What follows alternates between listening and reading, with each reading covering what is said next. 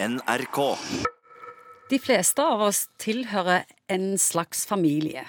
Og som det er sagt siden tidenes morgen, det finnes noe i de fleste familier. Noe vi ikke snakker om eller åpner om, kanskje fordi det alltid har vært sånn, eller bare blitt sånn. Det kan være ei tante med alkoholproblemer, et kriminelt søskenbarn. Han som prøvde å ta livet av seg, mor som går ut og inn av syk, eller han psykopaten som terroriserer kone og barn, eller seksuelt misbruk. Hva som helst. Psykolog Egon Hagen. Mange har kommet til deg i årenes løp for å få hjelp. Finnes det mange brysomme familier? Ja, det gjør det. Hva handler det ofte om?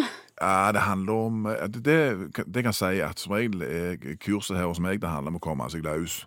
Det handler ikke om å få nye krefter for å gå tilbake igjen og fikse en galen far eller ei sprø mor. Så du snakker ikke om hvordan du skal håndtere denne galningen i familien? Nei, men komme seg, komme seg løs, egentlig. For mange ganger så er disse tingene litt, litt over det som egentlig folk kan gjøre noe med. Ofte så kommer jo folk med ganske sånn kaotiske, såre, kjipe erfaringer, hvor ofte så har de kanskje en følelse av at det er noe feil med de sjøl.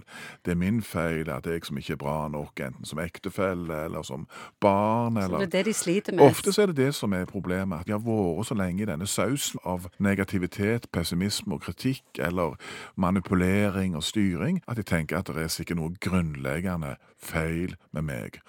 Og da, er, da begynner vi liksom i andre enden. Faktisk, dette er ikke din feil. Og hvordan skal vi greie å mobilisere dine krefter før du går så langt ned at du ikke lenger har krefter til å komme deg ut? Du høres litt svart og hvit ut i forhold til at er det alltid 'kom deg vekk'? Jeg mener du at det er noe nytt?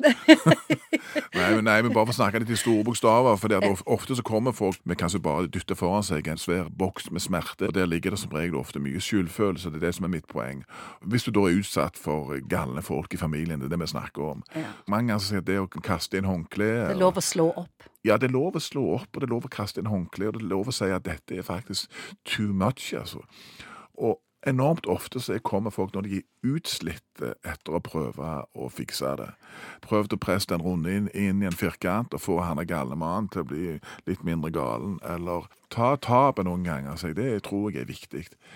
Ta tapet og si at OK, det ble sånn, og nå må jeg si hva vil jeg gjøre med det i forhold til mitt eget liv. Så du gir oss lov til ansvarsfraskrivelse bein fram. Ja, ja, det var en måte å si det på. Det er sånn tror jeg mange tenker. at, Ja, men det, eh, du føler jo ansvar ja. for å passe på og hjelpe. og- Ja, ja, ja, men, men, men for å være noe i forhold til andre, så må det først og fremst være noe i forhold til deg sjøl. Eller det må i første omgang være noe for deg sjøl. Og hvis du ikke har egenomsorg eller kan ta vare på deg sjøl, eller sitter på ei skute som er på full fart nede i slugen, så må du ta først på egen maske før du hjelper andre, og det tror jeg riktig på. Og så det første fasen er hvordan skal liksom du overleve oppi alt dette? Hvordan skal du greie deg og greie å bevare optimismen og troen på deg sjøl, og ikke bli fullstendig ødelagt disse mekanismene som du blir utsatt for? Nå snakker vi veldig generelt. Og når det er gjort, så kan du høre, ok, er det noen, kan du dra med deg ei søster ut av denne galskapen, eller kan du, kan du være noe for andre i dette familiesystemet ditt? Men det begynner med at du på en eller annen måte må få hodet over vannet sjøl. Hvis alle er i ferd med å drukne, og alle skal hjelpe alle, så, ja, så er det mange av det som skjer faktisk, at alle er i ferd med å gå ned i denne sluken. NRK.